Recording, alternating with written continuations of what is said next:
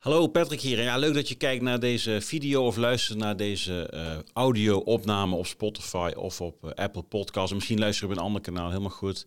Nou, waarom deze korte podcast? En het is eigenlijk geen korte podcast, het is een lange podcast. Uh, want ik ga een podcast online zetten waarin ik zelf de gast ben geweest bij Kiki Schepens. Dat was de Mooie Mensen podcast in de categorie Mooie Militairen. En wat dan een mooi mens is of wat een mooie militair is, nou goed, dat mag je lekker zelf gaan eh, horen of zien eh, in de podcast eh, met Kiki. Nou, het gesprek is inmiddels vier of vijf maandjes geleden opgenomen. Dus een aantal dingen liggen achter ons. En misschien is het leuk om te horen of te zien dat we met terugwerkende kracht er helemaal naast zaten. Uh, maar misschien zitten er ook wat dingen tussen waarvan we denken van... hé, hey, dat is interessant. Nu we vier, vijf maandjes verder zijn, is dat inderdaad op die manier uh, zo gegaan. En dat geeft dan ook inzichten voor waar we op dit moment staan. Ik praat over defensie, waarom ik defensie in ben gegaan. Ik praat over sexual leadership. We praten over veteranen. We praten over ondernemende veteranen. Er komen uh, heel veel leuke onderwerpen voorbij. Dus ik uh, wil je vragen, ga er rustig voor zitten. Mooie mijlpaal hebben we behaald. We zijn over de duizend subscribers heen van YouTube. Ja, ik uh, denk dat dat echt super tof is. Ik wil jou bedanken als kijker en als luisteraar.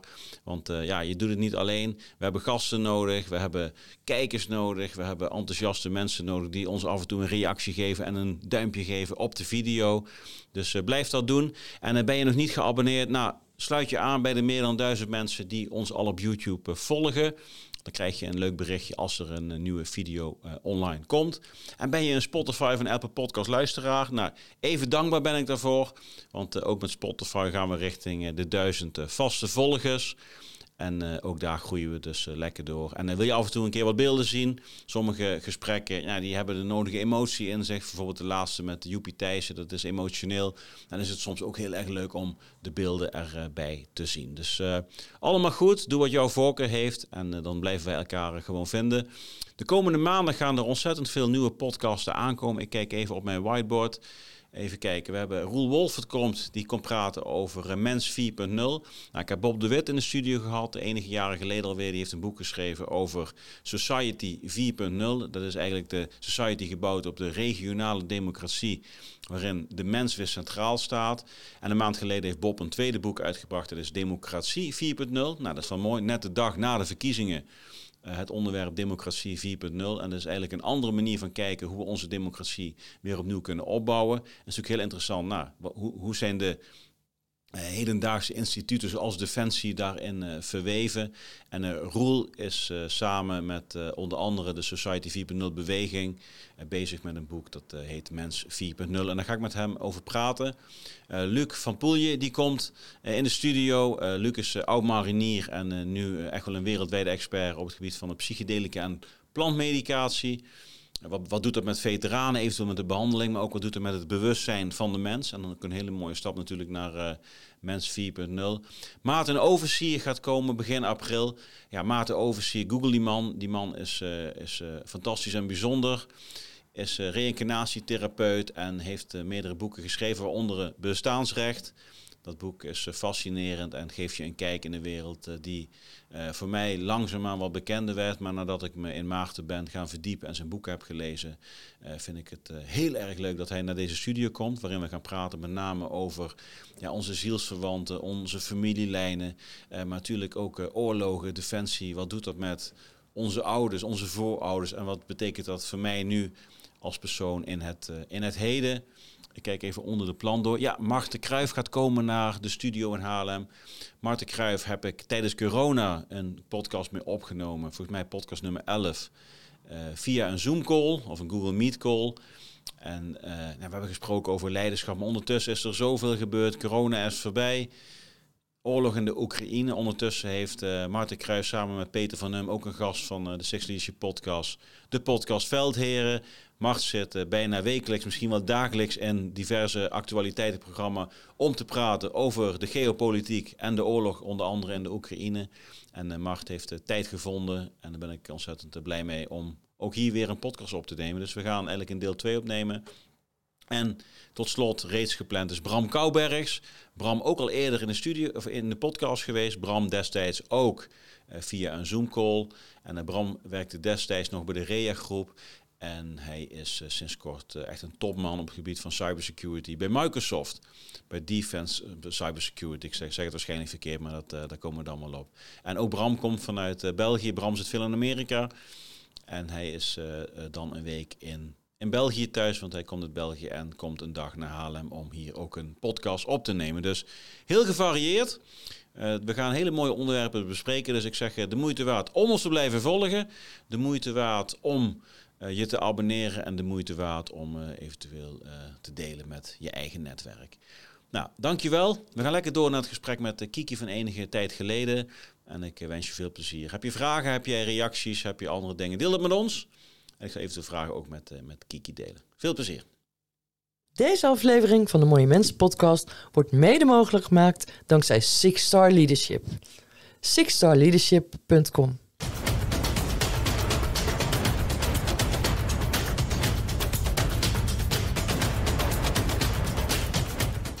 In deze aflevering van de Mooie Mensen podcast ga ik het hebben over leiderschap, leadership en dat doe ik met niemand minder dan de eigenaar van Six Star Leadership. Misschien ken je hem wel een beetje. Hij heeft namelijk ook een podcast, de Six Star Leadership Podcast.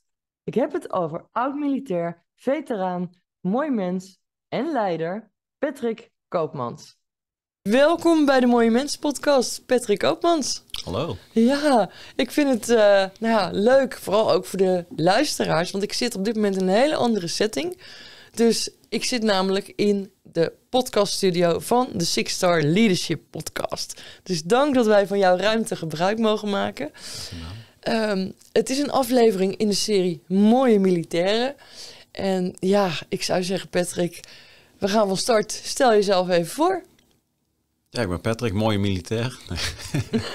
nee, Patrick Koopmans. Ja, leuk, eh, leuk dat je hier bent, Kiki. Of dat ik eigenlijk in jouw podcast uh, te gast mag zijn.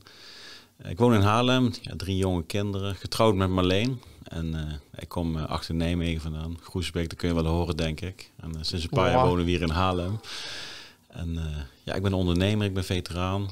ik heb zelf ook een podcast, wat je al aangaf. Ja. En ja, ik doe veel dingen in het leven. ja. ja. Nou ja, ik, ik weet het. We hebben elkaar leren kennen door LinkedIn. Een aantal jaar geleden. Maar ik ben ook echt wel... Uh, ik, ja, ik noem mezelf toch wel dat ik behoor tot de harde kern van jouw podcast. Ja, goed. Ja, nee, maar ik vind ze echt altijd hartstikke leuk. En zeker in de serie Mooie Militairen dacht ik van... Nou, Patrick die heeft echt wel een hoop te vertellen. Dus ja, veteraan, om daarmee te beginnen. Je hebt een aantal missies gedraaid... Mm Waar heb je allemaal gezeten en bij welk onderdeel van Defensie heb je gewerkt? Uh, eh, 97 ben ik opgekomen, 28 april. Ook mijn trouwdatum. Mm Dat is ook de datum dat ik mijn eerste burgerbaan heb gekregen. Ja. ja, nee, 28 april is wel bewust. Ja. ja. Dat was zeg maar een bijzondere dag voor ons. Ben ik opgekomen in Oorschool bij 11 Tankbataljon als uh, lader van de Leopard 2. Dus ik was, uh, ik was veel te groot voor die functie eigenlijk. Maar goed, ik, ik paste net in de ruimte. Ik was heel snel in het laden van granaten, dus dat was prima. En met die club ben ik ook in 1998 uh, eh, naar Bosnië geweest. Mm -hmm. uh, S45, dat was eigenlijk de periode net naar... Uh, hij had eigenlijk Dutchbad voor de mensen wel bekend. Nou, mhm. Daarna kwam de IFOR-tijd. Voor met twee of drie van die missies. Daar, daar ging zeg maar de implementation force was dat. Waar zeg maar de, de NAVO-troepen echt moesten zorgen dat de troepen uit elkaar gingen in Bosnië. Natuurlijk, mm -hmm. je had de Kroaten, Serven en de Bosniaken, de moslims. En daarna kwam de Stabilization Forces, zoals S4. En ik heb S4 5 en S4 13 gedaan. Mm Zoals in 98 en in 2002. Allemaal met, uh, met de tank, uh, tankpeloton. Uh, toen ben ik zes maandjes het leger uit geweest. Ik ging bij mijn vader op de broodbus werken. Op papier was dat fantastisch. In de weekenden als klein jongetje was dat ook leuk. Alleen samen fulltime. Ja, dan zit je toch weer heel veel bij elkaar. wat is de broodbus dan? Nou, mijn vader was, was uh, huis- en huisbakker. Oh. Of is, is zelfs. Hij, is, uh, hij wordt 76 in december. En nog steeds doet hij enkele dagen in de week gaat hij dus rond uh, bij de mensen om brood te bezorgen. Wat leuk. In Groesbeek. Ja, dus mm -hmm. hij, had, hij is begonnen met een... Mijn opa heeft dat gedaan met een bakfiets. Mm -hmm. Dus we dachten brood voor in de bak en een fles drank. En dan gingen ze in de winter langs boeren af.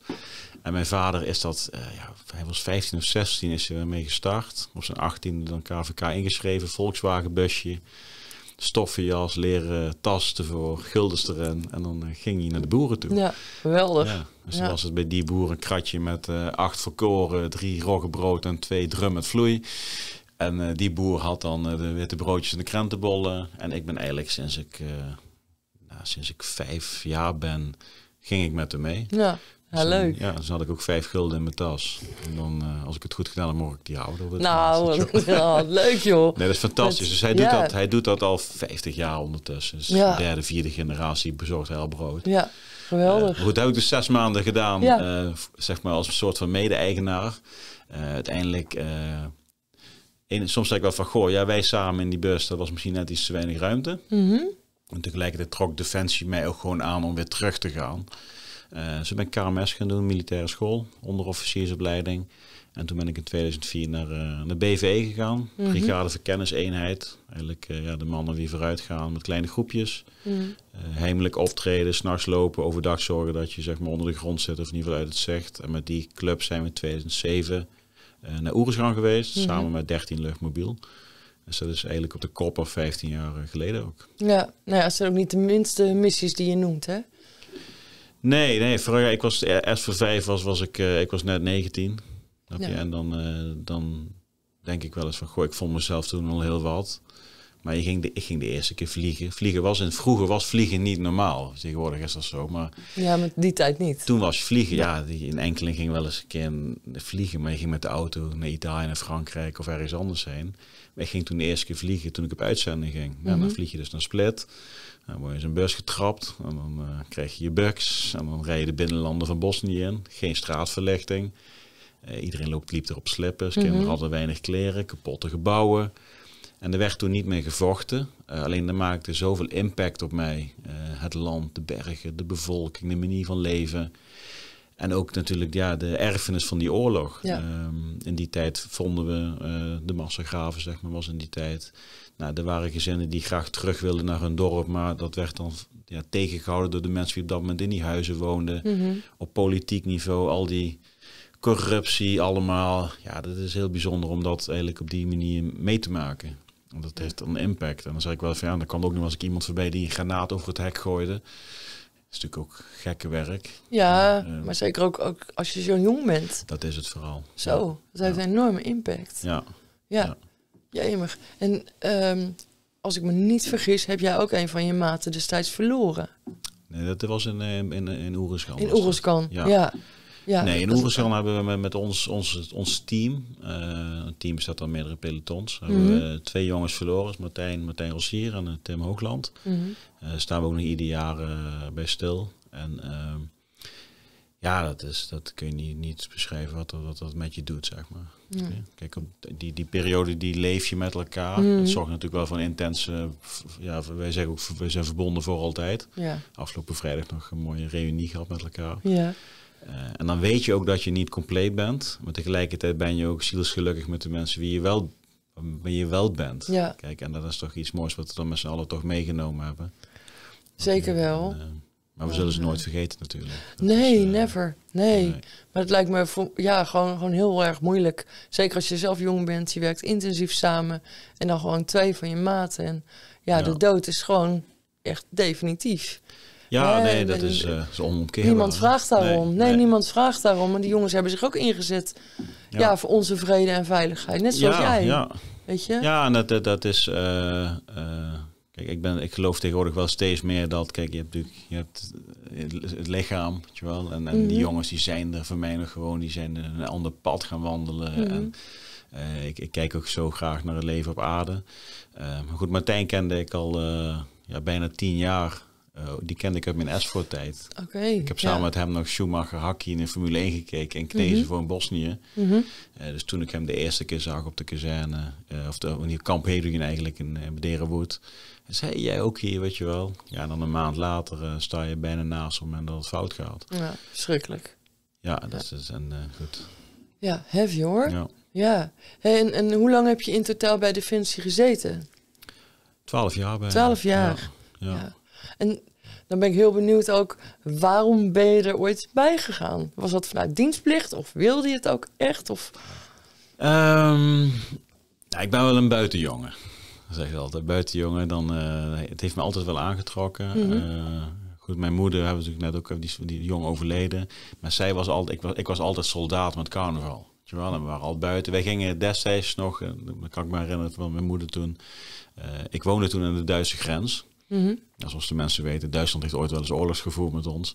Ja, en de, en de, de, de, de frontlinie eh, lag, lag. Ja, ja. Je hebt daar Klein-Amerika, je hebt daar het Duitse Rijkswal. Er is heel veel gevochten achter Nijmegen. Ja. Market Garden is er natuurlijk. Hm. Eh, dus in die tijd heb ik het over de jaar, begin jaren 80, 283, eh vond je daar gewoon nog steeds eh, munitieresten. Dus wij gingen, eh, wij gingen kogels Ja. zoeken. ja, ja, maar ja, goed. Ja, wat doe je anders eh, als jong gezin, toch? Ja. Dus wij gingen dan het Duitse bos in en dan eh, gingen we kastanjes rapen en hulzen zoeken. En daar vonden we ook nog wel eens wat. Weet je wel. Ja. Op die manier eh, is, is toch een onbewust die interesse gewekt. Eh, Militair Museum Overloon was natuurlijk vlakbij ons. Dus met kinderfeestjes gingen wij naar Overloon toe. Ja, daar stonden tanks en eh, al... In eh, Groesbeek had je het Bevrijdingsmuseum, natuurlijk Ja, een heel ook. mooi museum. Ja. Canadees Kerkhof was in Groesbeek. Die Vierdaagse kwam voorbij. Dus ja, dat was gewoon... Die connectie was Militair daar. zijn was Ja. gewoon cool, weet je wel. Ja. Ja. En, uiteindelijk ehm, eh, ben ik, heb ik de keuze gemaakt, omdat je uiteindelijk, ja, je, wordt- je wordt puber. Heb je? Mhm. Eh, nou, als je puber bent, wordt het thuis nou eenmaal soms wat complexer. Ligt altijd aan jezelf uiteindelijk, maar goed, de omgeving die, eh, die duwt je toch een bepaalde kant uit. En toen heb ik besloten van, nou, om toch wat meer op mezelf te gaan. Misschien de volgende stap gewoon, als, ja, ik was gewoon toe aan iets anders. Of ja, is dit het moment? Eh, toen heeft het eh volletje van de KRO-gids mij overtuigd om eh, naar Arnhem naar de Looienstraat te gaan. Dus dat is- Dat klinkt eigenlijk al eh, veel langer geleden dan 44 jaar. Maar goed, die bestaat nog steeds. Hey, Ja. Maar eh, even terugkomen, want dat zei je inderdaad eh, tijdens ons voorgesprek ook. Dat jouw moeder heel jong is overleden, Mhm. plotseling. Ja. Toen je een jongetje van zeven was. Heeft dat er ook mee te maken gehad dat je besloot om bij Defensie te gaan? Want zoiets heeft natuurlijk een enorme impact op een kind, op een heel gezin. Mhm. Wat je net vertelde, je vader die bakker was. Wat, wat heeft dat met je gedaan? Ehm, nou, ik denk wel dat het ermee te- wel mee heeft gespeeld. Mhm. Eh, niet, niet zozeer eh, het moment van ik ga, ik ga Defensie in, maar wel de manier zoals je als mens eh, gevormd wordt. Ja, Mijn, mijn zus, zusje, maar ik zeg tegenwoordig zus, die zit al sinds 1999 bij de marine. Mm. Die is op, as we speak aan het varen richting de Oostzee. ja oh, mooi. die vroeg mij net weekend de Lissabon Mhm. gehad. Mhm. Dus, dus die, die is nog steeds paraat, zeg maar. Is Ja. ook geen toeval natuurlijk. Kijk, en ehm, eh, mijn vader was veel op pad. Dus we zijn gewoon met z'n drieën, mijn broer, mijn zusje en ik, we zijn vrij zelfstandig opgegroeid. Mhm. Eh, ja, en dan, dan op een gegeven moment dan vormt het leven zich zo dat, dat je uiteindelijk je eigen pad wil gaan kiezen. Ja. Kijk, en eh, kijk, mijn vader heeft op een gegeven moment een, een nieuwe vrouw gekregen, kindjes erbij. Ja, dan zit je in die puberteit. Ja, dat is gewoon lastig. Snap ik. Ik heb iedereen met elkaar gevloekt in die tijd. Dat snap Kunnen, ik. kunnen die mensen niks aan doen. Ja, Die zijn gewoon gelukkig samen. Voor mij was het wel een moment van, goh, word ik goed op school of ga ik iets Mhm. anders doen? Ja, Maar ik was goed op school, alleen eh, je moet er wel zijn, kwam ik later achter. dat was wel een van de voorwaarden.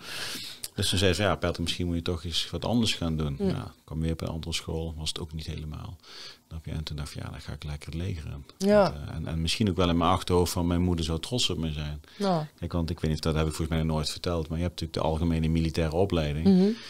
Ja, toen ik binnenkwam, toen dacht ik aan mijn moeder. Weet je wel. Ja. Ja, dat is heel gek. Nou, is dat gek? Nou, het, ja, nee, nee, is niet gek. Maar het is wel, ehm, nee, helemaal niet gek trouwens. Maar ik denk wel dat het eh, dan iets zegt over wat er heel diep van binnen nog steeds is. Ja.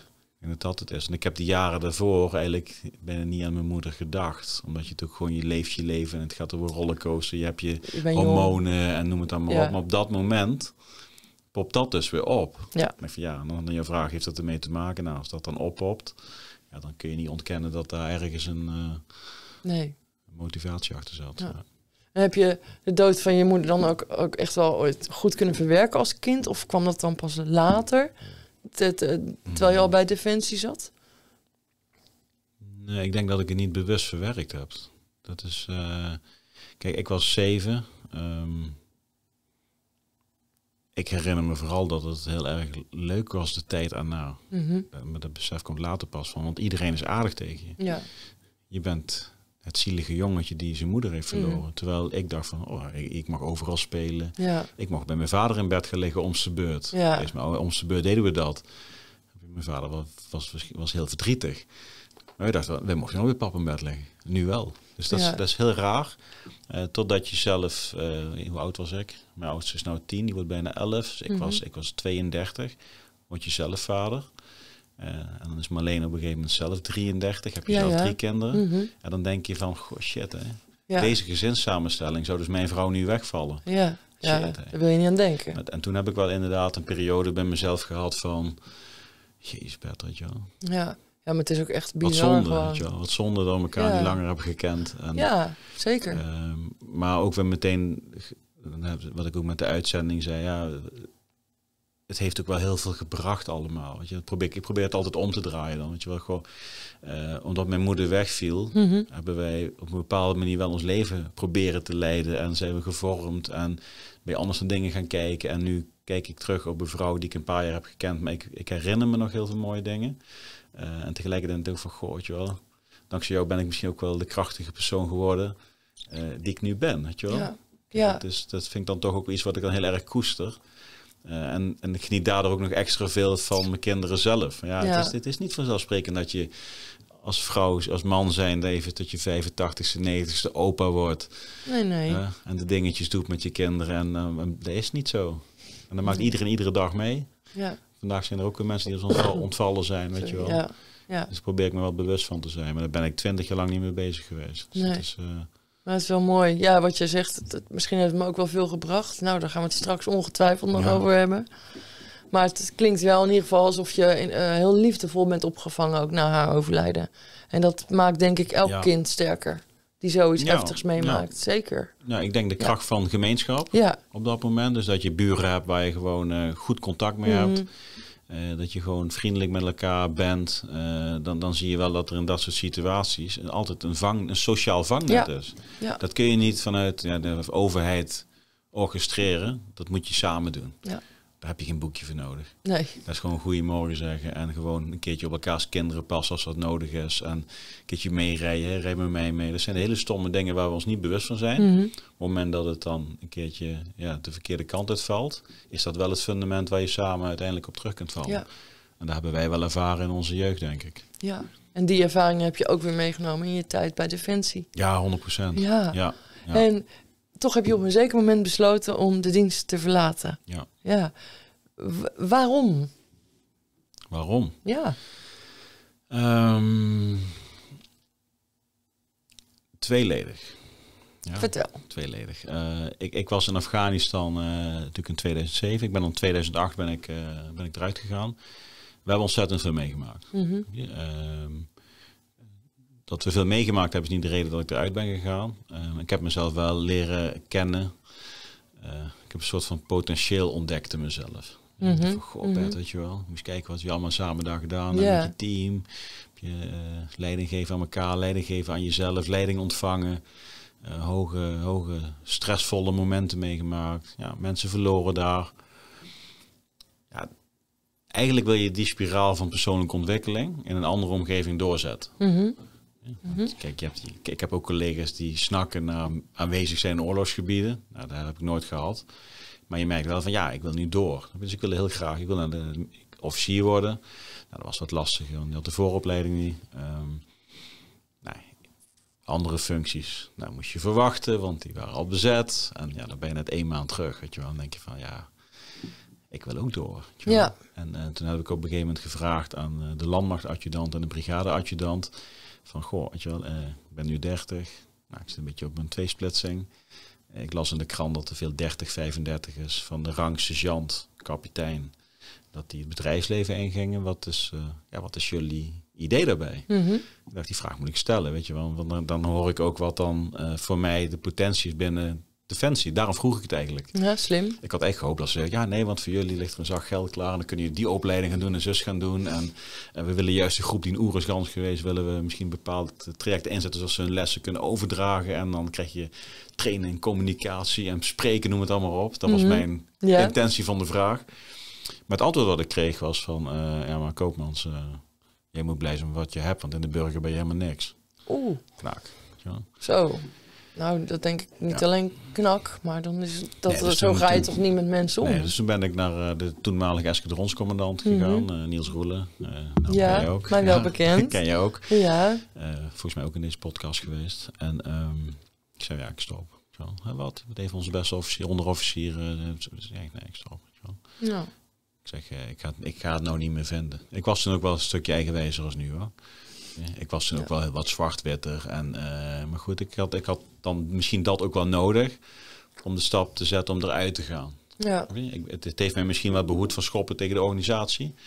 Eh, maar goed, voor mij was het wel heel duidelijk van ja, Patrick, dit, dit gaat niet jouw, eh, jouw, jouw omgeving blijven. Nee.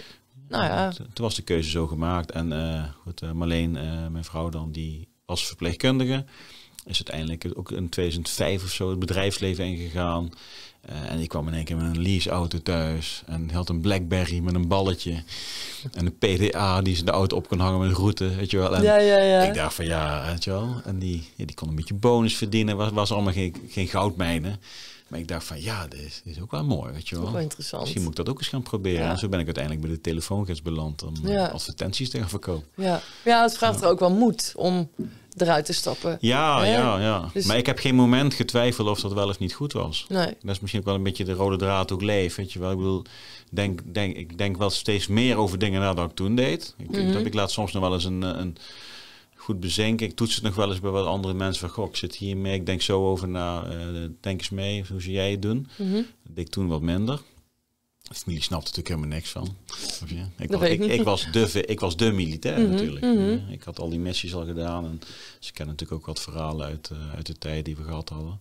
En één keer stopte ik. Ja, Maar voor mij is het altijd geweest van dit is de goede keuze. En eh, nooit spijt gehad. nou ja. Maar ik mis het wel.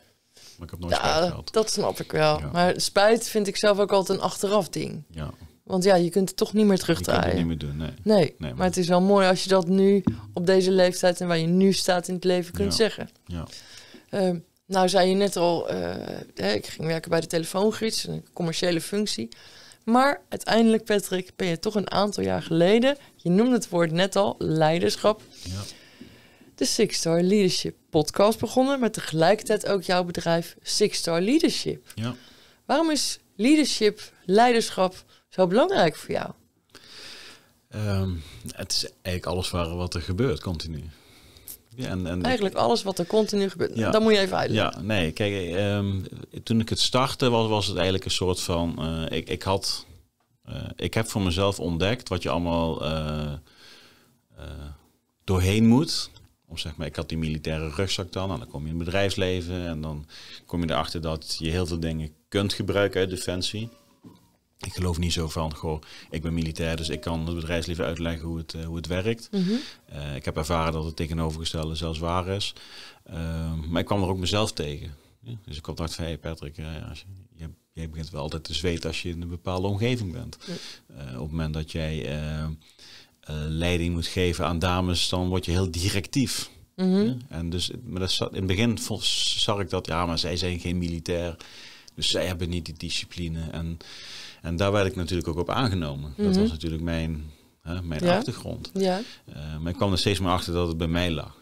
Ik, moet, ik moet mijn eigen identiteit veel meer in balans zien te krijgen. Ik moet veel meer uh, gaan inzien dat de omgeving is. Mhm. En hoe je jezelf daarin positioneert, zo dicht mogelijk bij jezelf. Uh, gaat het verschil maken als je met een team succesvol bent, ja of nee. Kijk, en zo is uiteindelijk uh, de passie voor leiderschap en teamperformance ontstaan. Mhm. Maar ik zeg steeds vaker, ja, zelfleiderschap komt daar nog voor. En daarom zeg ik, het is, leiderschap is. Uh, alles heeft te maken met zelfleiderschap. Ja, uh, nadenken over de dingen die je zegt. Omgaan met je gedachten. Ja, luisteren naar je emotie. je gevoel in je buik en je hoofd. wat betekent dat voor jou? En van daaruit de buitenwereld gaan bestieren, noem ik het wel eens. Ja. Ik, ik denk dat dat zo'n mooi proces is. Ja, wat mij een jaar of vijf, zes geleden gepakt heeft. Uh, en me ook niet meer loslaat. Nee. Ik kan ook niet meer anders zien nu. Weet je wel. Ja, maar Ja. Dat, dat snap ik wel. Als je daar zo ook uh, die gedrevenheid, want die voel ik ook Mm. Echt. Uh, maar vertel eens ook voor mijn kijkers en luisteraars, wat doe je precies met Six Star Leadership? Nou, wat we eigenlijk, wat we, de, de, we zijn gestart met van, goh, we hebben een, ehm, een militaire kijk op het leven. Mhm. Ja, en die ge- aangevuld met een x aantal jaren in het bedrijfsleven. eh, weten wij hoe we teams en management kunnen ondersteunen in hun groei en ontwikkeling. Ehm was vrij plat, hoe het in het begin- begin begonnen zijn. Eh, eh, omdat je dan heel erg vanuit die, die hiërarchische militaire machtsmanier probeert te structureren. Dan kun je heel snel resultaat boeken. Structureren, discipline erin, eh, bepaalde kaders neerzetten. Ehm, en wat we nu doen is, ehm, uiteindelijk heb ik een soort van model kunnen maken. Met het topmodel, Team Optimization Programma of Talent Optimalisatieprogramma. eh, waarin we echt vanuit waardegedreven leiderschap eh, ondersteunen wij teams en leiders. Mhm. Dus we met waardegedreven leiderschap kunnen komen tot een verbindende en dienende organisatie. Nou, en dat tezamen, Mhm. dat doen we met één op één coaching, dat doen we met teamtrainingen, teamcoaching. Eh, we gaan nog wel eens een keer op reis, naar Zweden bijvoorbeeld, Mhm. maar ook gewoon in Nederland. En zo laten wij leiders en bedrijven of teams eigenlijk ervaren. Eerst wat er binnen de muren allemaal gebeurt. Ja, daar hou ik een spiegel voor. Ehm, ik werk met meerdere experts op bepaalde vakgebieden. Nou, die betrekken we dan erbij. Mhm. En op die manier verleggen we dat naar militaire momenten. Dingen die ik zelf heb meegemaakt. En vaak is dat één op één. Mhm. Alleen de omgeving is anders. Maar de lessen die wij daar hebben meegemaakt, in Nederland dan wel in Oeruzgan of Bosnië of wat dan ook, Mhm. eh, die zijn identiek. En de oplossingen die we kunnen aandragen voor de bedrijven zelf. Ja. En we laten ze dat zelf inzien. Dus wij leren mensen niks, zeg ik wel eens. We geven mensen wel de tools en de ervaring om op zoek te gaan naar hun eigen groeipad. Mhm. Dus- En dat doen wij met Six Leadership. En dan zeg ik al van ja, daarmee kun je je resultaten overstijgen. Wauw. Ja, ja. Maar je zegt ook wij. Ehm, je zei net al, ik, hè, ik maak ook gebruik van experts. ja. Maar als je zegt wij, dan denk ik, je doet het toch alleen? Of, of, of heb je met meerdere mensen dit Ik bedrijf? heb 100 man in dienst. Nee. Nee, maar snap Nee, je even de Nee, verwarring? maar die vraag kreeg ik vaak. Maar ik, ik, ik, ik kan niet in ik praten. Dus dat heb ik afgeleerd. Dat is heel stom. Ja. En je doet ook niks alleen. Snap je? Dus, dus ik zeg het, we, Six Leadership, eh, ik, eh, met Marleen. Marleen wil eh, ondersteunen elkaar samen. Ik heb oud-collega's waar we mee besparren. Eh, als we op een survival gaan, trek ik mensen erbij. Hm. Ik heb iemand die me mailt met mijn website, weet je wel. Eh Six Leadership is voor mij een soort van merk waarin heel veel kennis en expertise samenkomt. Mhm. Waarin we deels heel veel business know-how, aangevuld met militaire ervaringen, ja, uiteindelijk aanbieden aan iedereen die behoefte heeft aan groei en verbinding en resultaten overstijgen. Ja. En ik zou mezelf zo'n eikel vinden als ik dan denk, ja, ik heb dit bedacht. Heb ik helemaal niet alleen gedaan. Ik ben natuurlijk wel het gezicht en ik, ik ben natuurlijk wel de inspirator van heel veel dingen. Mhm. Maar niemand doet iets alleen, weet je wel. Nee, maar je, maar je hebt wel de, de- degelijk ook voordeel kunnen doen van je militaire expertise daarmee. 100%, ja. Ja. Maar het is wel verschoven, Kiki. Want ik zat voorheen, zat ik altijd, ja, ik ben, ik ben de ex-mili, ik ben de veteraan. En eh, daarnaast doe ik nu een bedrijfsleven. Mhm. Ik, daar is, ik zie dat nou meer als van, ik ben Patrick. En eh, ik heb eh, iets samen laten komen in mijn leven. Mhm. En dat is denk ik heel mooi. Ja, en, Dat eh, denk ik ook. dat is heel mooi, denk ik. Kijk, en, en dat, is, eh, eh, dat gaat van meditatieopleidingen in Maleisië tot het volgen van een ja, reflectieopleiding in LA, Mhm. tot vuurgevechten, maar ook reorganisaties meemaken bij techbedrijven, grote organisaties. Kijk, en dat geeft heel veel invalshoeken hoe, hoe je Mhm. naar een organisatie kunt kijken. Maar met name van goh, hoe kijkt een leider naar zijn eigen organisatie? Hoe kijkt hij naar zijn eigen team? Maar hoe kijkt een leider naar zichzelf? Mhm. Kijk, vooral die laatste vraag, die komt vaak alleen maar terug als iemand één op één coaching gaat doen. Ja. En ik word heel vaak gevraagd van, goh, ga eens met mijn team trainen. Nou, laten we eens maar eens dan wat mijn is, weet je wel. ja, ja, ja, ja. En dan krijg je natuurlijk wel eens een, een, een blik van de zo, ik wil graag teamtrainingen gaan doen. Ja, dat Ja. snap ik, maar jij, jij bent het team. Je bent onderdeel van het team. Je bent een van de teamrollen, weet je wel. Ja. En dat heb ik wel geleerd door ook gewoon wat integraler te kunnen kijken naar, naar organisaties. Ja, en het is niet vanzelf gegaan, maar dat maakt, wel heel, dat maakt het wel heel mooi op dit moment. En dan hoorde ik je er straks ook zeggen, we kijken ook naar waardegedrevenheid. Eh, wat is dat voor jou? Want ik kan me zo voorstellen, dat is ook de reden dat ik het vraag, Mhm. dat je ook heel vaak tegenkomt dat dat ontbreekt bij mensen. Ja, dat is vaak. Terwijl we allemaal onze eigen waarden hebben, zeg maar. Iedereen Ja. heeft dat. Ja. Ehm, maar maar ik, ik, geloof heel erg dat een, eh, ik maak altijd visueel in, in huis. Ik, een, Een huis heeft een sterk fundament nodig. En, en als er dan een keer ruzie is in dat huis, is dat niet erg als het fundament maar staat. Dan, dan overleeft dat huis het ook wel. Weet je wel. Maar goed, als je gaat ruzie maken en je hebt een slecht fundament, ja, dan krijg je scheuren. Ja, en als er scheuren zijn, dan gaan we waarschijnlijk nog harder ruzie maken. Want het is iemand zijn schuld natuurlijk waarom die scheuren er zijn. En voor je het weet dondert het huis om. Ja. Kijk, en ik, ik ben heel erg van verbondenheid, betrokkenheid en vertrouwen. Verbondenheid met elkaar, betrokkenheid bij de organisatie en de doelstellingen. En vertrouwen in jezelf en in de ander. Kijk, en als die drie waarden kloppen, dan ga je het huis in en dan kun je uiteindelijk ook gaan verbinden met elkaar en dienen. ja, Dat is toch een mooie militaire term. Want dan dien je het team. Het geheel. En als jij het team dient, dan dient het team jou ook.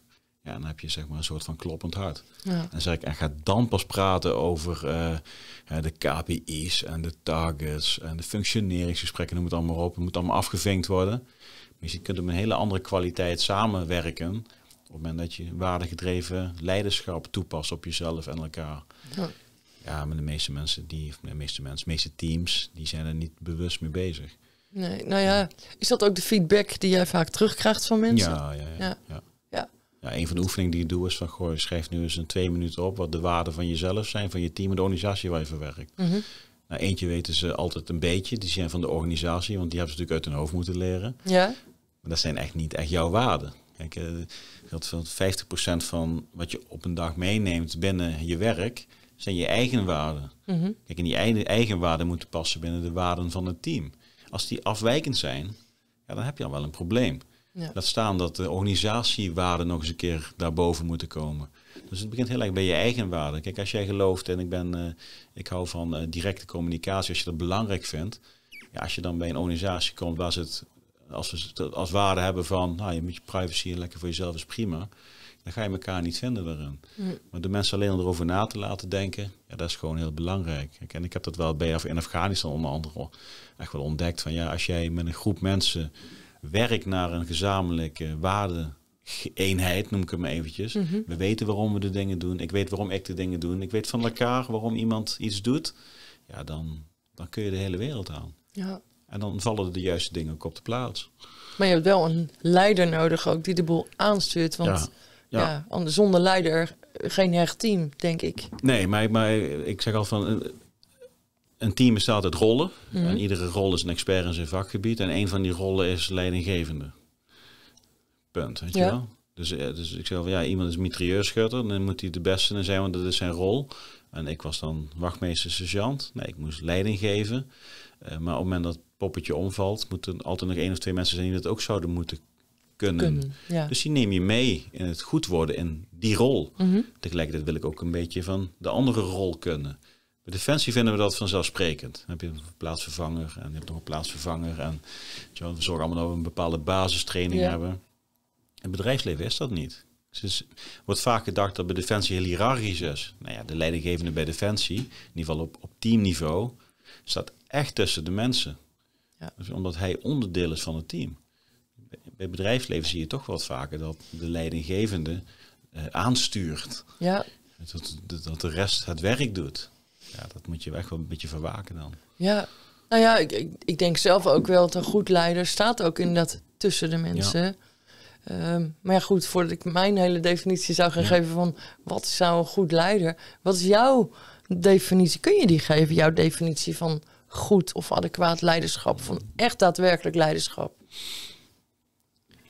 Ehm, nou, niet, niet, ik heb niet echt een definitie daarvoor. Eh, maar ik, ik zie nou, een, een van mijn oude commandanten, Oerzan Erik Brakert, Mhm. die, die zei, eh, ja, als leidinggevende moet je een beetje verliefd zijn op je mens. Ik dacht van ja, en die schiet me nu dus te binnen. Mhm. Ik denk dat als jij een, een, een, een goed leidinggevende, eh, een leid- leidinggevende die effectief is in de dingen die hij doet, dan is hij dus ook goed. Maar dan, anders krijg je het ook niet van elkaar natuurlijk. Nee. Die houdt een beetje van zijn mens.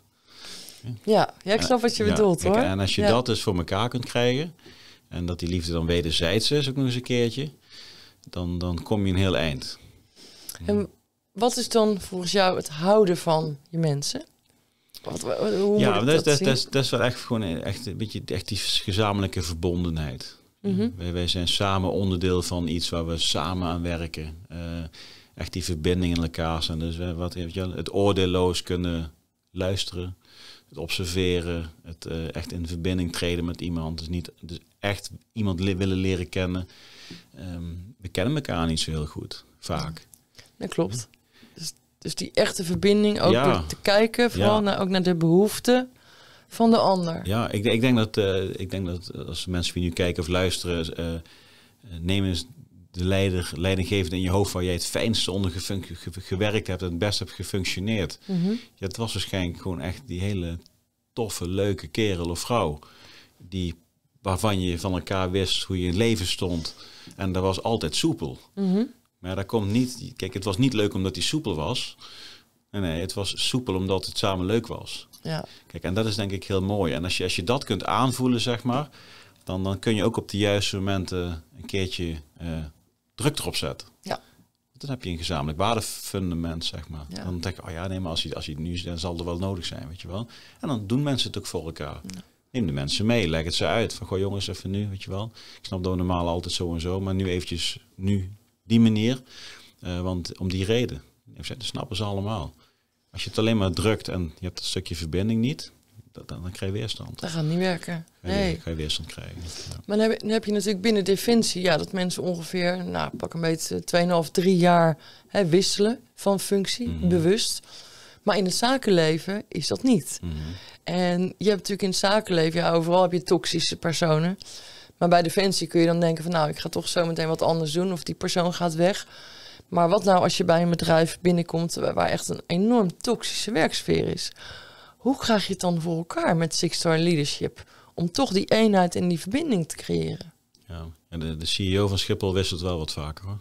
dus het is. eh, nee, kijk, ik, ik, ik, ik geloof heel erg in, in dat waardefundament. Snap je? En ehm, eh, ik begin altijd, ik bouw altijd op vanuit daar. Kijk, en dan moet je kijken van goh, ehm eh 80% van de tijd gaat naar operationele taken. Je? Dus, dus Mhm. wat ik altijd, als ik kijk, meestal werk ik met HR-managers in het begin en van daaruit ga je met de leidinggevende aan de slag. Mhm. Ehm, en ik stel de vraag van gewoon, schrijf eens op hoeveel procent van je tijd ben jij bezig met eh, het in verbinding komen met je mensen. Ja, ja dus hij schrijft natuurlijk altijd heel veel tijd erop. Mhm. Je? Ik voel daar een maar. Ik loop natuurlijk ook wel dagen mee. Zeg, nou, ik ben, die woensdag ben ik weer heel erg op de vloer geweest. Ik zeg, je bent alleen maar bezig geweest met sheets en met dit en met dat en met zo en met zo. Ja. Dus je bent de hele dag niet bezig geweest met het welzijn van je club. Dus dat doe je ook, dat je ook echt bij bedrijven... Ja, ja, ja. Ik doe interimwerk. Dan Mhm. dan ga ik bij wijze van spreken zes maanden meedraaien bij een bedrijf. Ja. Dat doe ik wel zelf dan. Mhm. Eh, en dan eh, ga ik met eh, mijn eigen know-how en ervaring, ga ik dus gewoon intern zaken eh, ja, zichtbaar maken. En daarna ook de verbeteringen aandragen. Ja. Heb je maar ook de executie. Dus ik ben dan niet pleiten. Dan gaan we als werken op het moment dat het loopt. Ja. Want alleen dan voel en ervaar je. Want voelen vind ik heel belangrijk. Van ja, weet je, je, zegt, je, je zegt een leuke meeting. Eh, Ik heb om me heen gekeken. en Iedereen zit zagrijnig om zich heen te kijken. Ik weet niet wat jouw definitie van leuk is. Maar laten we dan eerst eens dan teruggaan. Wat is leuk? Mhm. Laten we samen eens praten wat leuk is dan. Ja. Weet je wel? Dus uiteindelijk kom je wel bij die waarde uit. Maar waarom doe je dit werk dan eigenlijk? Mhm. Wat maakt het dan zo leuk? Ja, ik hou van diversiteit en ik hou van dit en ik hou van zus. Oké, maar is dat dan teambreed gedragen? Ja, nee, dit is van mij. Maar weet je van de mensen dan waarom ze het leuk vinden? Ja, zullen ze het dan naar boven halen? En op die manier ga je stap voor stap. Mhm. Ik ken een multinational eh, met 10.000 man. Dat, dat kun je niet alleen doen. Dat moet je groot aanpakken. Ehm, maar dit is wel zeg maar de, de, de structuur hoe ik altijd werk. Ja. En van daaruit ga je opbouwen. Oké, maar wat zijn dan de meest belangrijke taken die we nu op die verbinding en die waarde gaan leggen, zodat we eigenlijk als een, ja, als een klok, eh, een mooi Zwitsers klokje gaan draaien. En uiteindelijk de valkuil is altijd, we gaan weer veel te veel aan de taak zitten. Snap je? En dan merk je van, ja, je moet continu balanceren, waardefundament bewaken, zorg dat je in verbinding blijft, team staat op één, taken. Het continu proces. ja. En dat is vorming dan.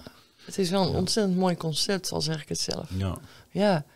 En ja, die reizen naar Zweden, ik, ik, ik heb er een bepaald beeld bij. Zweden, eh, koud, wit, toch een andere sfeer. ja, Maar waarom niet gewoon, nou ja, naar het Mansbos in Breda of zo? ja, ik noem maar wat. kan ook. Ja, ja kan Ja, ik, ook. was- ik, ben, ja, Maar- ik, ik, ik doe graag de dingen die ik zelf heel leuk vind. Mhm. En ik vind het gewoon leuk om dat te Zweden te doen. en, en in Zweden sta je heel dicht bij de natuur. Mhm. Kijk, Ja. en dat is gewoon, je kunt daar echt, eh, ehm, kunt daar zeg maar drie keer links afgaan. En dan heb je, kun je nog steeds drie keer links afgaan. En Mhm. dan kom je in de middle of nowhere uit. Ik heb dat niet zo heel vaak gedaan. Ik ben daar vooral zelf heel veel geweest. Mhm. Ehm, maar wat je daar kunt is, eh, je hebt daar de faciliteiten om gewoon eh, ja, high-end met elkaar te werken. Ja. En tegelijkertijd kun je ook één of twee dagen eh, doorbrengen waar mensen op zoek moeten gaan naar zichzelf. Nou, die combinatie vind ik daar gewoon heel mooi. En je mag er gewoon een boom onhakken zonder dat je een vergunning mag hebben. Mhm. Dat is ook handig als je een kampvuurtje moet Zeker, maken. Dat moet je, moet je hier in Nederland niet doen. Nee. Ehm, maar die combinatie vind ik gewoon mooi. Dus dat, dat vrije, dat buiten zijn eh, en dat de mensen laten ervaren. Dus enerzijds geef je mensen een ervaring. De trip naar Zweden. Drie keer linksaf bos en steeds donkerder, steeds meer sterren, steeds kouder. Ja, of steeds meer muggen en blijf licht s'nachts. Die, Mhm. die variant hebben we natuurlijk ook nog. Zeker. Eh, maar goed, met de juiste aanpak en eigenlijk wat ik nou net beschreef over wat we eh, binnen een bedrijf doen, dat, dat doen we eigenlijk dan ook individueel. Ja, Ja, met hele gerichte opdrachten en ja, dat is heel mooi. dat geloof ik zeker. Ja. Dus eigenlijk ben je nog steeds die buitenjongen van toen. Die gewoon ook echt be- bewust bezig is met die zoektocht naar zichzelf. Alleen dan om anderen daarin te helpen. Ja. Ja, Ja. Ja. dat is een van de redenen, Patrick, dat je in de Mooie Mensen ja, podcast zit. Ja. Ja. En ehm, als mensen nou eh, iets jou willen benaderen, hè, of Mhm. daar meer over willen weten, over dit mooie concept. Op welke manier kunnen ze jou dan bereiken? ja, heel veel manieren eigenlijk wel. Ze kunnen naar sixaleadership.com, dat is Ja? natuurlijk mijn website. Sexualleadership.com, Eh, ja? ja, slash contact. Ik had trouwens, eh met we nemen, kijk natuurlijk, maar eind 2022 wordt de website vernieuwd. Dus dat is ook wel, eh, wel heel erg leuk. Mhm. Eh, ja, daar zijn eigenlijk alle contactgegevens op. Nou, ik ben op LinkedIn altijd wel actief. Mhm. Eh, dus mensen weten mij wel te vinden. Dus, Ik kan me voorstellen dat je dan ook eens een intakegesprek doet met mensen. Of, Ja, of is het beluisterd van nou joh... Ja, nee, nee als mensen interesse hebben in een, een van de trajecten die we Mhm. doen. ik ben wel heel erg van matchen. Dus, dus je, je wil graag mensen de ultieme beleving geven. Of dat nou B2B is bij het bedrijf of, of individueel. mhm. Ehm, ik word ook nog wel eens gevraagd of voor één op één coaching. Ja, in het begin deed ik dat heel vaak. Ehm, maar ik merkte wel van ja, je moet wel ook heel kritisch zijn dat je de juiste mensen kunt, kunt helpen daarin. Ja. Of helpen die de dienst van een bepaald niveau moet zijn. Mhm. Dus we doen altijd intake. Eh, vaak is dat even online, even een half uurtje. Goh, weet je wel, hoe kom je bij mij uit? Waar ben je op zoek? Waar wil je ei- over een jaar staan?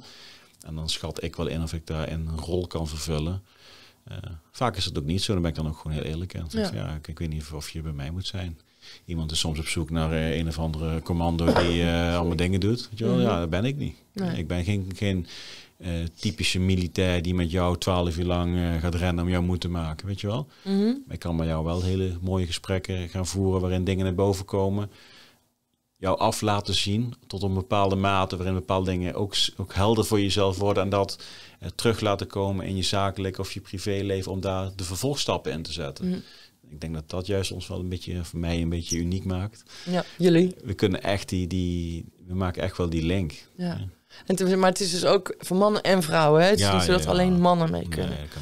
Maar stel nou als ik of andere vertrouwenspersonen eh, tegen een, bij een bedrijf iets constateren van... joh, hier loopt het niet helemaal lekker. Mhm. Kunnen we ze dan ook eh, met jou connecten voor de sexual leadership? Als ik denk van nou, misschien zou Patrick hier wel iets in kunnen betekenen. Of.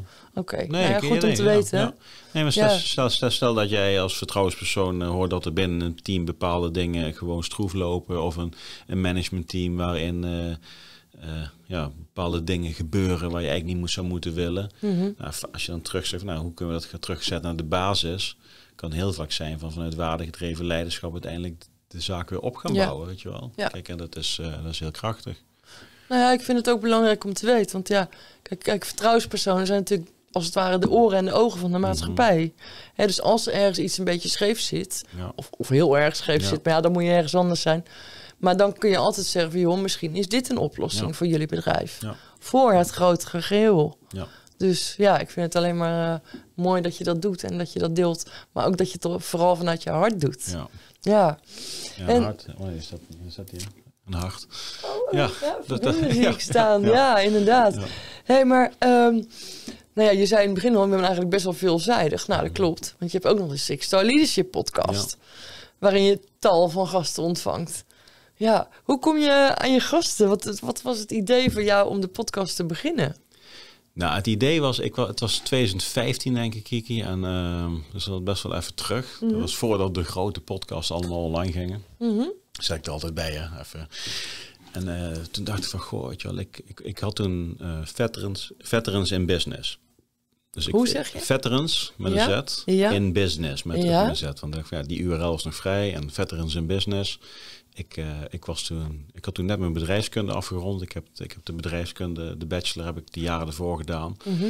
En dacht, ja, nou ben ik het mannetje, weet je wel. Dan ga ik eh, de business kant op als veteraan. En dan ga ik eh, veteranen helpen om ook de business in te gaan. Ja, dat ga ik dan doen. Dat wordt dan mijn nieuwe job. En dan ga ik een podcast starten. met daarin mensen in het bedrijfsleven die militaire achtergrond hebben. Mhm. Ik dacht van, ja, maar wie ga ik dan doen? Ik dacht, dan ga ik Dick Berlijn. Dacht, Dick Berlijn, weet je wel. Ja, leuk toch? 2015 is ik een berichtje gestuurd naar Dick Berlijn. En eh, die zei tot mijn grote schrik, oh, dat lijkt me een leuk idee. ik dacht, shit. weet je wel.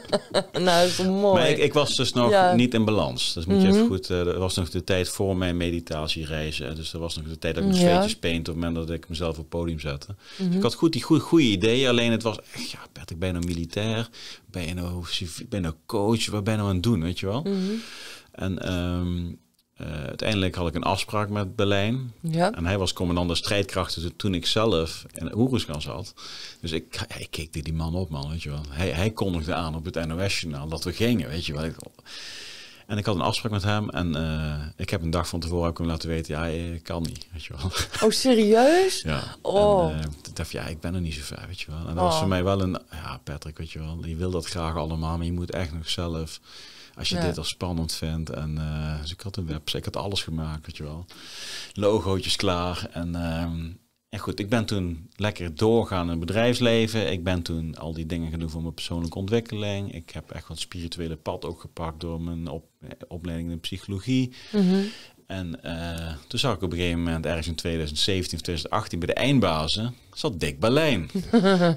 ik dacht van, gadverdamme, die hebben 100.000 subscribers en 100.000 views per aflevering. Ik dacht, die gozer had ik drie jaar terug al, weet je wel. Ja. En nou ga ik beginnen ook. Ja. Oké, en toen, toen ben ik uiteindelijk, ja, nou ga ik, nou, hoe gaat het dan worden, weet je wel. En Ja. toen eh, werkte alleen mijn vrouw bij Nienke van der Lek, business coaching. En die ging de Five Star Mastermind doen. Mhm. En eh, toen zei, kwam Marleen thuis, ja, en ik heb ook Five Star Leadership vastgelegd voor haar. Ik zeg, heb je dat voor haar vastgelegd? Ja, ja, dacht, dat is ook meteen een leuke naam. Ik zeg, nou, dan heb ik nu mijn naam. Dan gaan we nu Six Star Leadership Six doen. star leadership. En zo is Ja. uiteindelijk die naam ook ontstaan. Net eentje meer dan datgene wat we al als hoogste vonden, Ja. zeg maar. Ja. En toen ben ik de podcast begonnen. Wel het idee van lui met een militaire achtergrond... Mhm. die nu in het bedrijfsleven zaten, of veteranen. Mhm. Dus wel van de grond afgekomen, zeg maar. Ja, mooi hoor. Tussen 60 afleveringen. Ja. En, eh, Ja, en, en meneer Berlijn is uiteindelijk bij jou in de podcast gekomen. Zeg ja, ja, ja. Ja, en, dat was, en dat vond ik nog steeds spannend. Ja, dat geloof ik, ja. Ja, maar dat, was, dat was toch nog meneer Berlijn voor mij. En terwijl ik Pe- Peter van Um noem ik Peter en noem het allemaal maar op. Maar voor mij was het steeds meneer Dick Berlijn. En ja, dat is toch grappig hoe dat dan zo eh, hoe dat dan gaat. Hè? ja, maar het is ook net eh, hoe, hoe je, wat je met elkaar afspreekt, hè? Ja, Kijk, als een generaal buitendienst tegen jou zegt van... joh, Patrick, zeg maar, eh, ja. Peter of Maar het zou hem niks geïnteresseerd hebben hoor. Nee, Het was echt van, van mij dat ik dus eh, dat moment had met hem in die ruimte. ja, Snap je? En, eh, en dat is wel leuk, want ja goed, in zo'n podcast, kijk hoe kom je aan je gast? Ja, in het begin eh, ja, zoek je iemand die denkt, oh daar heb ik ooit een keer contact mee gehad. Dat vind ik wel leuk, want Arie was mijn eerste. En dan zie je dat er wat mensen op reageren. En denk ik, oh, die is ook wel leuk om eens misschien een keertje Ja. te vragen.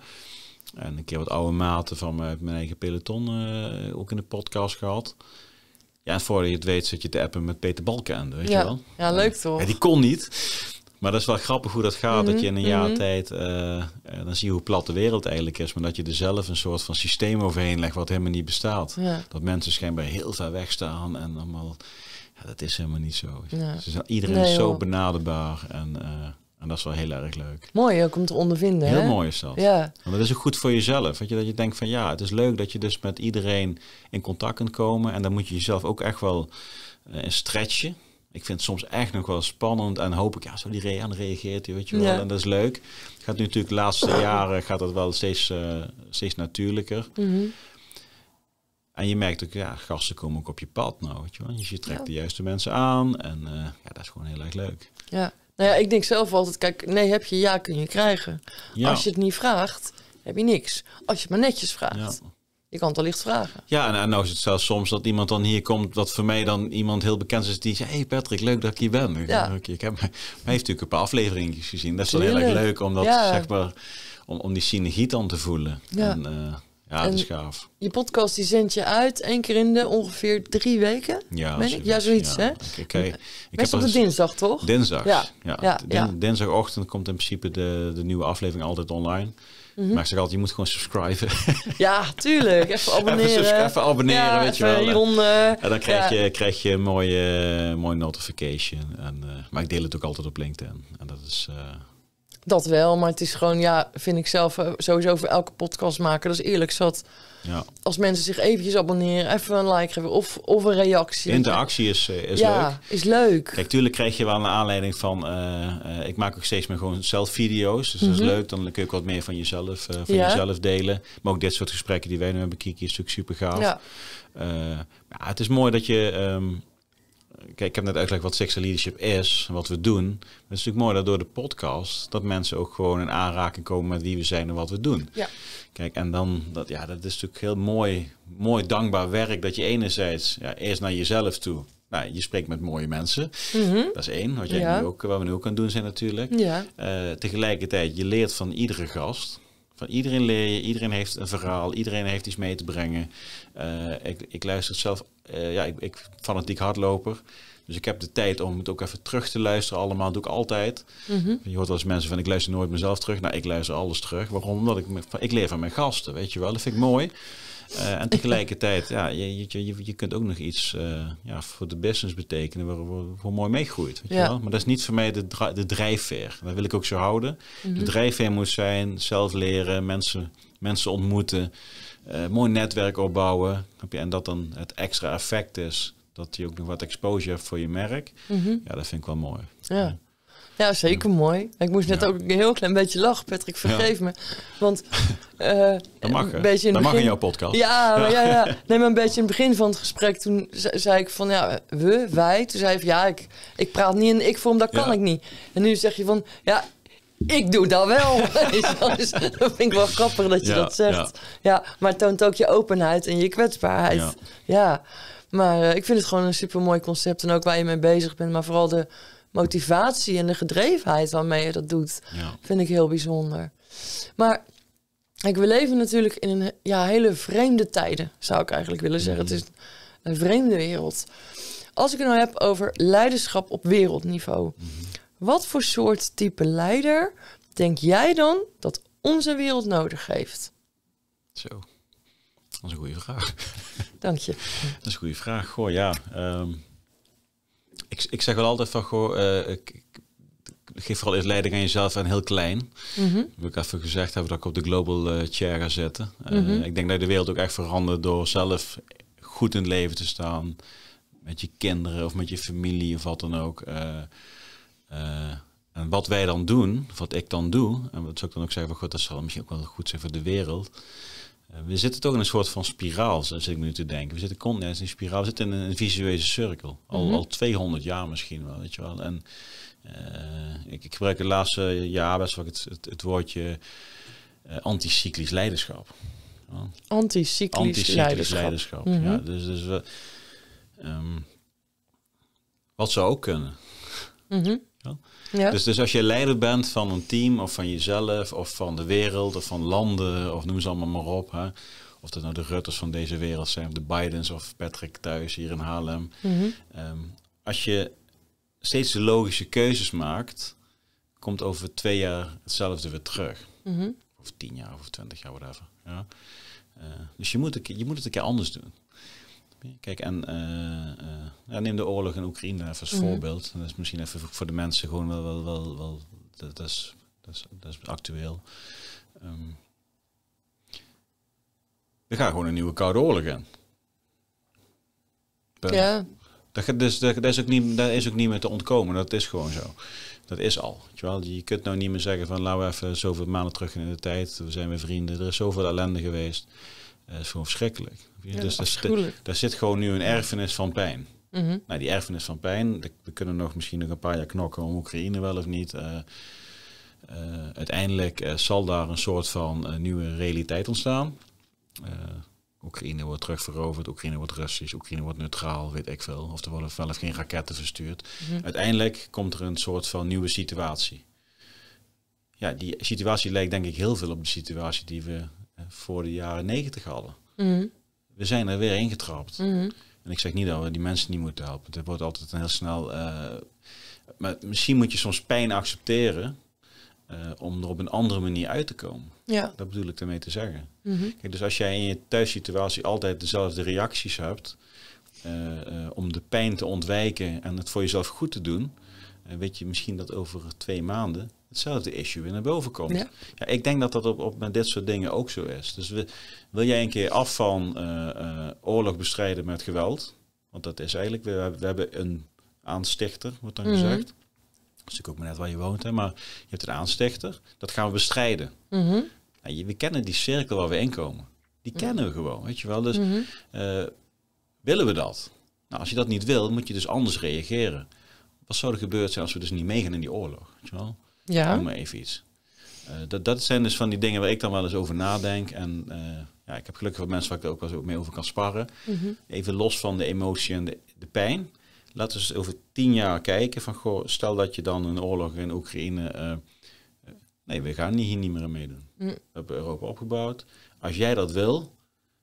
Dat is heel gek wat ik nu zeg. Pak dat stuk land. Iedereen wie er woont, die gaat, mag bij ons komen. Wij gaan niet vechten. Nee. Dat doen we niet meer. Want het gaat escaleren en zullen ze zo. Dat, dat spel kennen we ondertussen. Dat doen we al 400 jaar met elkaar. Ja, ja, ja. Langer. Dat gaan we niet meer doen. Nee. Dus wij doen het niet meer. Je moet dat een keer om gaan draaien. Dus anticyclisch leiderschap is in tijden van crisis, eh, denk ik, een hele mooie optie om te voorkomen dat op de lange termijn die crisis dus ook niet meer terug gaat komen. Ja. Want ik denk als we over 30 jaar het weer zo doen, gaat het weer zo, weet je wel. Dus je moet dat een keer omdraaien. Ja. Ook als voorbeeld naar je kinderen, naar de nieuwe generaties. Ja. En daarmee kun je ook heel veel verandering teweeg brengen. Alleen, er moet wel een overheid zijn die daar ook echt voor open staat. Ja, nee, maar ja, goed. Hè? Maar, eh, Want ja, we zijn ook maar de oorlog Kijk, en, ik, ingesleurd. en, en ik zeg ook niet dat, dat anticyclisch leiderschap de wereld gaat redden van alles wat we op dit moment meemaken. Maar ik zeg wel van, goh, het zou toch mooi zijn als we eens... Kijk, je, je ziet...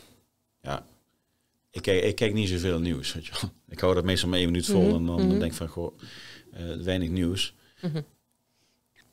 De beelden zijn tegenwoordig in HD. Ja, Maar als ik de beelden van de jaren 80 zou zien, zou het precies hetzelfde zijn. inhoud van de beelden. De manier van praten, de manier van doen, eh, eh, alles eromheen. Er is niks veranderd. Weet je wel? Kijk, en de wereld is echt wel anders geworden. Ja, zeker. Snap je? Ehm, mensen weten veel meer. Ja, kun je zeggen, ja, is allemaal... Ze ze weten te veel. Ja, we weten wat we weten. Ja, wat is te veel? Ja, We je. weten wat we weten natuurlijk. Hm. Kijk, en, en ik, ik, ik geloof er heel erg van, ja, je moet gebruik maken van de vooruitgang die we hebben geboekt met z'n allen. Ja. Ik, ga geen dingen doen die ons terug 30 jaar terugzetten in de tijd.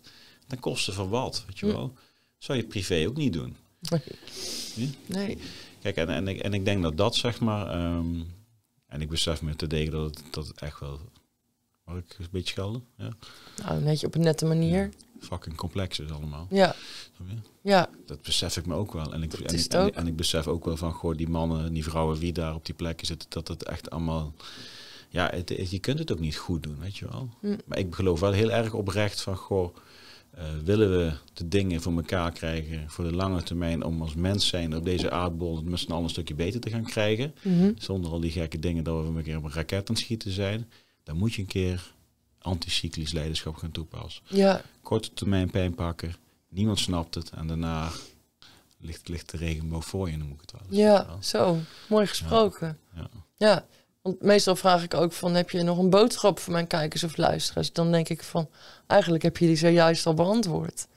Het anticyclisch leiderschap. Ja, nee, maar dus stel je dat zelf- is wat de wereld Ja, nodig heeft. Kijk, dus stel je, eh, kijk, een boodschap, ja, iedereen moet lekker doen hij zelf wil, maar kijk, eh, stel jezelf de vraag van, goh, wat is er nog meer mogelijk? Hm.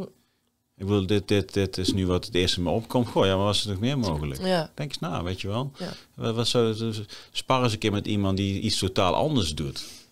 ja. sta ervoor open op zijn minst. Sta ervoor open. Ja. Kijk, en, en tegenwoordig, eh, ja, tegenwoordig, anders is vaak een beetje vreemd. Maar ik ben opgevoed met van, goh, ga eens een keer praten met iemand die het totaal anders doet. Kun je dingen van leren. Zo ben Ja. ik opgevoed, weet je wel. Dat was heel normaal. Als je niet kon timmeren, ga eens een keer bij die timmerman kijken, want die snapt het wel. Ja. Dus dan ging je daarnaar op zoek, weet je wel. maar- En ik denk dat daar de, de nieuwsgierigheid naar, goh, wat zou er nog meer mogelijk zijn, eh, dat dat ehm, ja, je leven verrijkt. Want je bent in controle. Dat denk ik zeker. Ja. Maar ook, hè, eh, wat jij zei, mijn vader die, die reed op de bakkersbus. Ja, die kwam ook bij iedereen. Ja. En als jij mensen uit gaat sluiten... Dat was de beste vertrouwenspersoon van het dorp. Ja, dat geloof ik. Ja, dat geloof ik. Eh, nou, maar weet je, als je mensen uit gaat sluiten, haal je ook geen mensen over om je heen. Je moet juist die verbinding opzoeken. Toch? Ja, Ja. zo zie ik Nee, dat hoor. 100%. Dat vind ik maar zo alleen maar mooi. En tegelijkertijd ook staan voor de dingen waar je voor staat. Ja? Dus- Dus hij, hij zei ook wel eens tegen mensen van, ja, eh, ik kom niet meer bij je.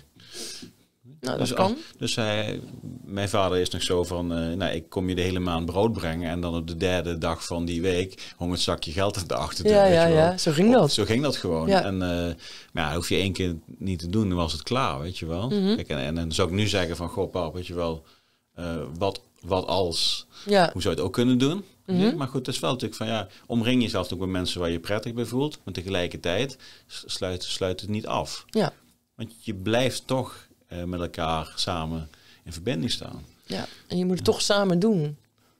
Nou ja, je 100%. Ja. Je kunt niks alleen. Nee, Nee. nee, vooral dat leadership. Ja. Ja. Hey, en Patrick, ehm, tot slot, wat is nou jouw definitie van een mooi mens? Heb je daar een definitie van? Kaal. Kaal? Nee, dat ga je niet menen. Mijn hemel. Nee, nee. Een mooi mens is voor mij... ehm, mm, ik, ik vind mooie mensen zijn mensen die vanuit hun hart praten. Mhm. eh, en oprecht eh, interesse hebben in zichzelf en, en in de ander. Mm. Dat, vind, dat vind ik mooi. En, en dat zijn vaak... eh, je kent het als je, als je een, een, een bijeenkomst hebt of een, een, een verjaardag of een feestje, een trouwerij of zo. Dan heb je altijd wel een paar personen die goh, dat was leuk. Mhm. Was eigenlijk, dat moest ik een keer mee afspreken. Dat was, ik app je nog een keertje. Weet Ja, je, wel. je, zoiets, je, je, ja. je, je weet wat voor mensen... Mhm. Kijk, en dat, dat zijn vaak personen die, eh, waarin je eh, zelf makkelijk je vragen kunt stellen, leuke antwoorden krijgt, Mhm. oprecht. Zijn zichzelf en tegelijkertijd zijn ze ook geïnteresseerd in de ander. Ja, Kijk, en ik denk dat die wisselwerking, dat zijn voor mij mooie mensen. dankjewel. Ja, mooi gesproken. Ik, eh, ja, Patrick, ik, kan alleen maar zeggen, alle succes met de Six Star Leadership podcast. Eh, maar ook de mensen natuurlijk die meer willen weten over jouw business, Six Star Leadership, ga naar sixstarleadership.com. Ja. Ja, en dan wil ik je hartelijk bedanken voor je tijd en voor het gebruik maken van deze mooie studio. En ik zou zeggen, ja, tot de volgende keer. Alle goeds. En wat mij betreft zat je echt terecht in deze Mooie Mensen podcast. Dankjewel. Dank je wel.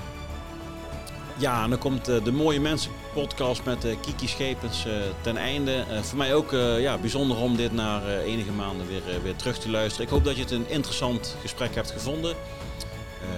Doe een duimpje omhoog als je het leuk vindt. Kijk eventueel ook even in de show notes naar het or- originele linkje naar de podcast van Kiki. Dan kun je ook een abonnementje nemen op, op haar podcast. En ik wil jou bedanken voor het kijken. Ik wil jou bedanken voor het luisteren. En ik zie jou snel weer terug met een van de mooie gasten die we de komende maanden gaan krijgen en ontvangen hier in de podcast studio in. Patrick hier, einde bericht.